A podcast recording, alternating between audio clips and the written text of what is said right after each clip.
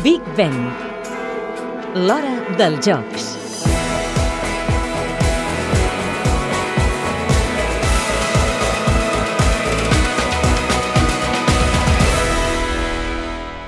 A menys de sis setmanes de l'inici dels Jocs Olímpics de Londres ja s'han donat a conèixer alguns detalls de la cerimònia d'obertura.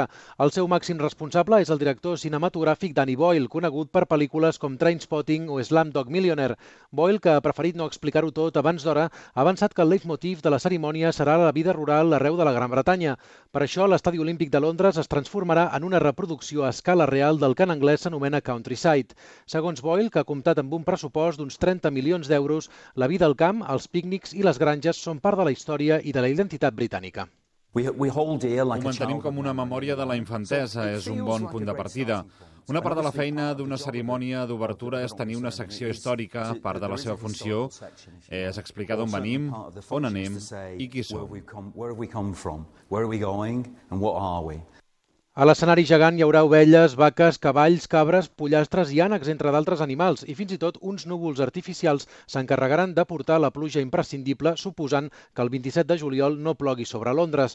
El show, que durarà unes 3 hores, també comptarà amb moments d'impacte i sentit de l'humor.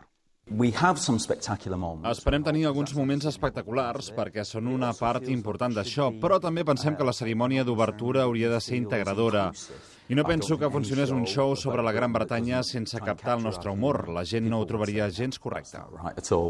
La tradició de Shakespeare es trobarà amb la música electrònica dels Underworld, que s'encarregaran d'explotar el milió de watts de potència que tindrà el sistema de so de l'Estadi Olímpic de Londres.